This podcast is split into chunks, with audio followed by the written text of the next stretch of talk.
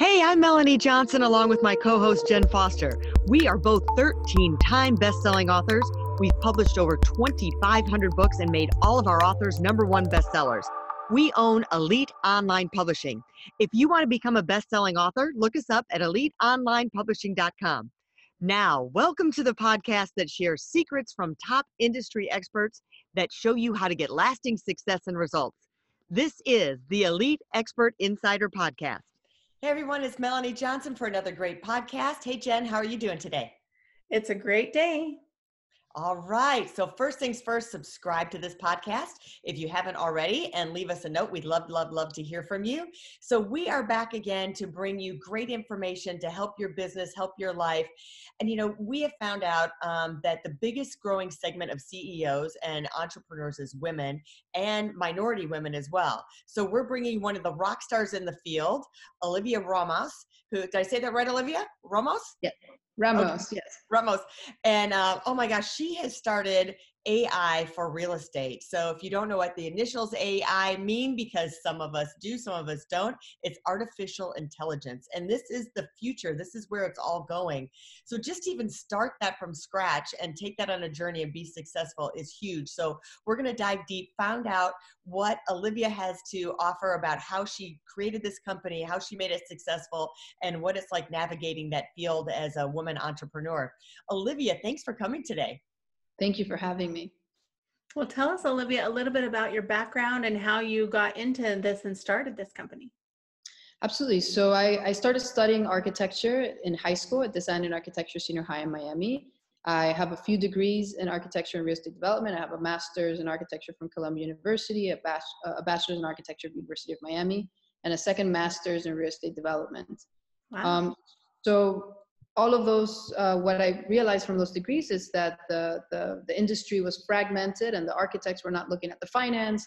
The, the real estate developers uh, needed the architects to understand the zoning, for example, and you know the contractors to understand the construction numbers. And there wasn't a centralized place to, to figure out like a single formula to understand how to optimize uh, the future of our cities, you know, any, any particular building use.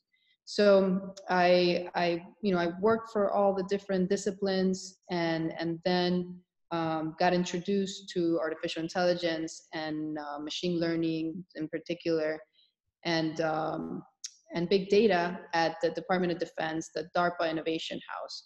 So something that I like to say about that is I didn't know what DARPA was when I applied to that program and i think it's it's it's important to just take a leap of faith and apply to things that seem interesting and different uh, because going to darpa like completely changed my life. And and and I, it was you know 12 years of academia and architecture and real estate which is very material you know brick and mortar combined with the power of machine learning and big data um, it's it's kind of what's built my career so far.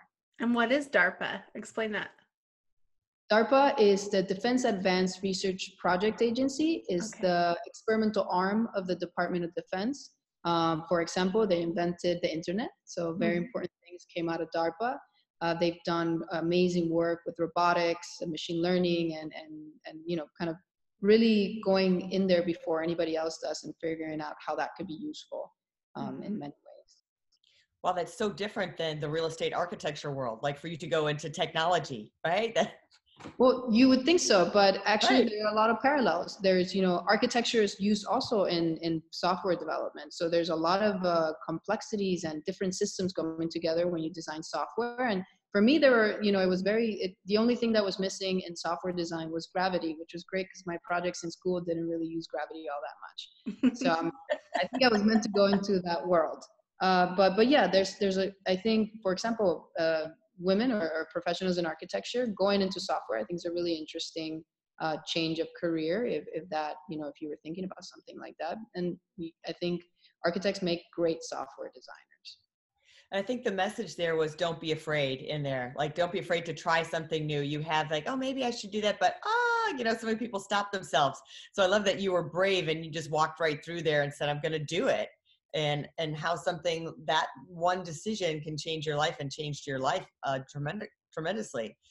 Yeah, and so, when I got used to doing that, I did it again, and I applied to Singularity University in Silicon Valley. I had no idea what that was about, and it was another complete shift in my career and that was when i was able to combine the software design with the with the academic architecture and real estate design so uh, once you start doing these leaps it, it, becomes second nature and and you end up you know going to places you never thought you you would be. And look at that. So she you're constantly getting better right? You're working on yourself. They say the best value is the best investment is in yourself. So you really heavily invested into your education and experience um, which is real important. Because some people wonder why they're not getting where they want to go, but they haven't invested in themselves to have the value to bring it to the table. So, when was the shift? Um, that's still like a big shift from going to getting that education and then to starting your own company. Tell us about that journey a little bit. Yes, so I was very fortunate to to get into Singularity University. It's a futurist uh, group uh, led by Ray Kurzweil and Peter Diamandis. Mm-hmm. Uh, Ray Kurzweil wrote The Singularity is Near. Um, there's a big vision on how technology can bring abundance to the world. It can make a lot of resources available. So, so I was, you know, I was aligned with that vision. And, and at Singularity, I was able to create a, you know, we kind of like uh, created teams around ideas of using big data and, and different exponential technologies into big global challenges. One of them being shelter. Uh, so long story short, at Singularity, we went through three programs. Um, the Global Solutions Program, which is where we combine the problem and solution. The Incubator, we created a company around it that was Deep. Blocks. Mm-hmm. And then the Accelerator, where we raised uh, our first round of funding and you know, cre- you know created a, a proper team and started building the software. So it was a, you know, these accelerator incubator programs can be really helpful uh, to, to help you sort of really manage how to start a business and, and especially a tech business in, in a in an efficient way. Awesome. I love I love that. I subscribe to P- Peter Diamandis uh, newsletter, so I'm always trying to be on top of the AI and trying to understand what's really going on in the world. But I love that you were focusing on a global something that can be that is helpful global or worldwide. So I think that's great that you apply those three things and came up with this and and so now you have this company deep block so tell us a little bit about how that works and what that's about. yeah, so in the simplest form of deep blocks uh, we combined all the data and calculations around looking at a building. So the financial analysis with the market data with the zoning analysis into a single formula. So the user just has to click on a piece of land. It gives you all the assumptions auto populated so you just you know kind of move around i want five more units, or I think the rent should be lower. And automatically it updates the 3D model and the financial model. So very quickly, weeks of work can be done in just a few minutes. And the vision is to allow then more room for innovation, more room for creativity if all the math is done for you, which is, you know, one of the promises of AI is all this crunching that we do manually, mm-hmm. especially mm-hmm. in real estate. And speaking of globally, like our platform is now available everywhere in the world. It's being used in over 80 countries. Uh, the beta version, we're testing it and seeing, you know, how what are the nuances in, in building in different cities, collecting tons of data. So we are a global company, and we do have a vision to to impact at a global scale. Um, so so yeah. So, sure. so it sounds like uh, you know you've got the Cinderella story, you got all the education, you started the business, it's going global, but we know it's never always that easy, right? There's always some ups and downs. So share with us, if you would, of some of the challenges that you've had to get over and how you did it. Absolutely. I mean, so raising raising money for an idea is is a huge challenge, and I think a lot of people um, get a, you know don't even get there don't even stand ever in front of an investor out of the fear. And and and there's tons of stories like this but we we pitched to over 100 investors before we got the first yes. And that's a really hard thing to do because when people don't believe enough to invest in you you start to question what you're doing. Mm-hmm. so something that has to be really strong is this is my life passion. I want to impact cities. I want to impact you know affordable housing uh, sustainability. And if i don't have that in me Uh, if I'm just doing this to maybe make some money, there's no way we would have gone through those first 100 interviews with investors. So that's the first thing. And then a good strategy on talking to investors is pick investors that understand what you're doing. So we had to go through 100 to figure out only investors that know about real estate are going to be interested. So it doesn't matter if people are very wealthy, they're not going to invest in you unless they have a passion for what you're doing. And I think mm-hmm. that's something that a lot of uh, founders don't realize until they go through the process. But if somebody would have told me that, I would just, you know, that, you know, 80% of the people I wouldn't have tried to talk to. Right. Well, and I think it's really important what you were saying is you you might get, you know, 99 no's before you get one yes. You And will. You will actually. Yeah, you will. And and you can't be discouraged. You have to keep that passion and keep that level, that energy level up.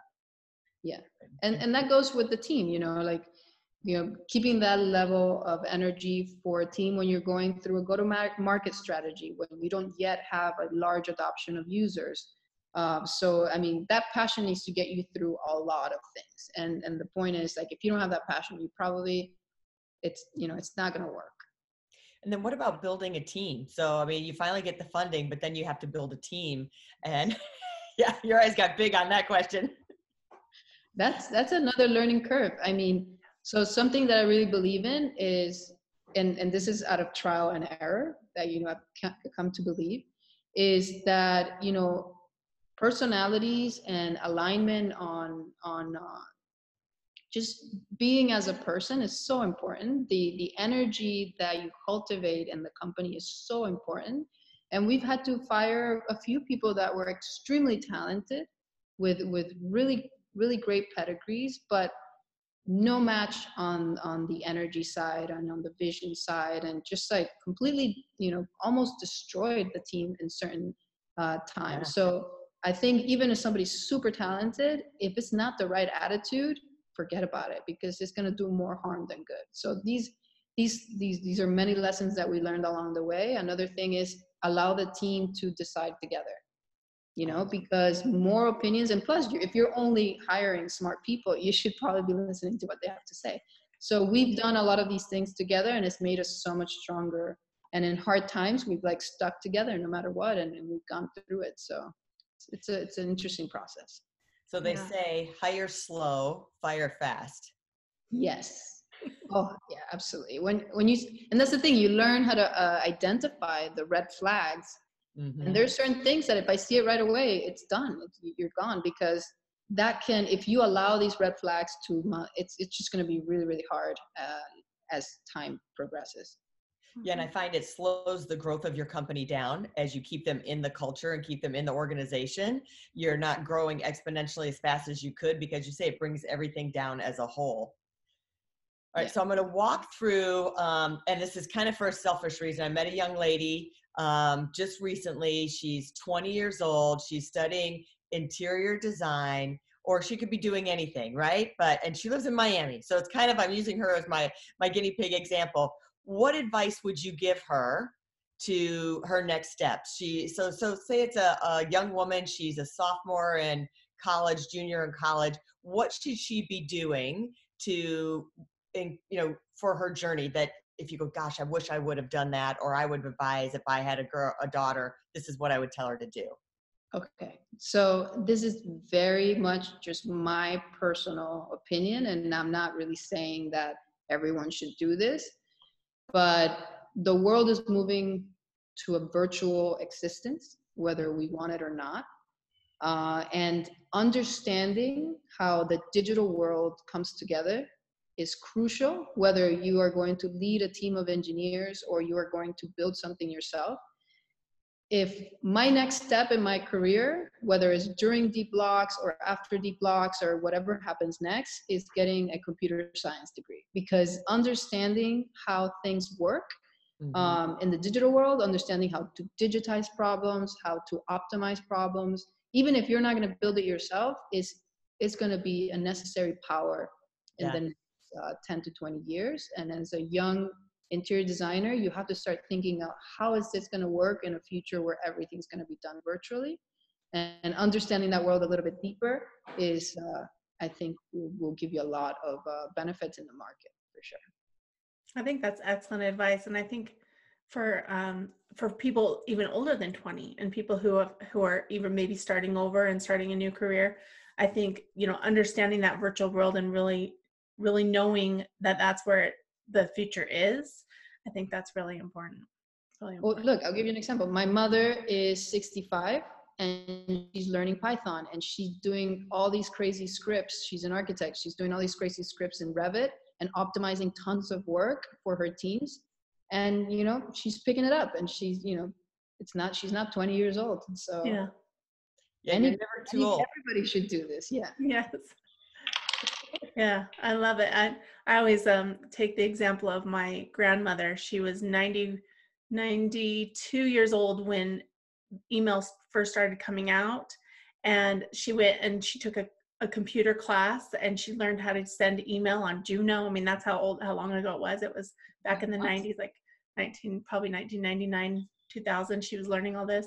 And it was, it was just really a good example for me. I mean, she was 92 years old and she was like i'm going to take a computer class and i'm going to learn how to send email like that's just great. that's what she needed to learn at that time so always be learning and always be knowing what's what's coming up in the future So if you have anything, Olivia, that you can leave us with, like that um, words of wisdom, the sage that you've lived through, like what is the takeaway? What's your main takeaway that you can leave us with? Um, you're not going to do it alone.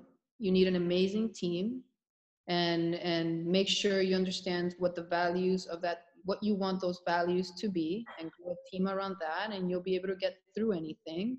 Be completely passionate about what you're tackling. That's the only way to to move forward in hard times. And uh yeah and the future is virtual so start thinking in that direction if you're not already. That's great well tell us where people can go to find more information about the app or the desktop version of deep blocks and also where they can go to find you maybe on social media or somewhere Yeah, I'm on LinkedIn. Um, Olivia Ramos, CEO of Deep Blocks. That's easy to find. Uh, deepblocks.com has a lot of great information and uh, links to both our, our app uh, to download. The app gives you what you can build in any piece of land in over 31 markets right now. And also the software application, which you could use anywhere in the world and just model different projects um, and I'd love to speak to anyone who's interested in the field or interested in learning more about deep blocks. Thank you very much for having me. Terrific.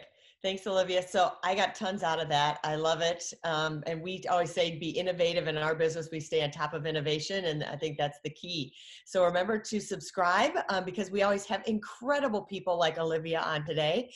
So um, subscribe, and we will see you next time right here. And if you're thinking of writing a book, just remember to contact us at eliteonlinepublishing.com. We would love to take your story and make you a bestseller and use how, learn how to use your book for your business. Talk to you soon. Making a great day. Are you looking to increase your revenue, build credibility, and elevate your brand? This podcast is brought to you by Elite Online Publishing, an innovative publishing and full spectrum marketing company. They will publish and market your book to make it a number one bestseller. Becoming an author is the best way to market your business. So contact them at eliteonlinepublishing.com today. All of their authors become number one bestsellers.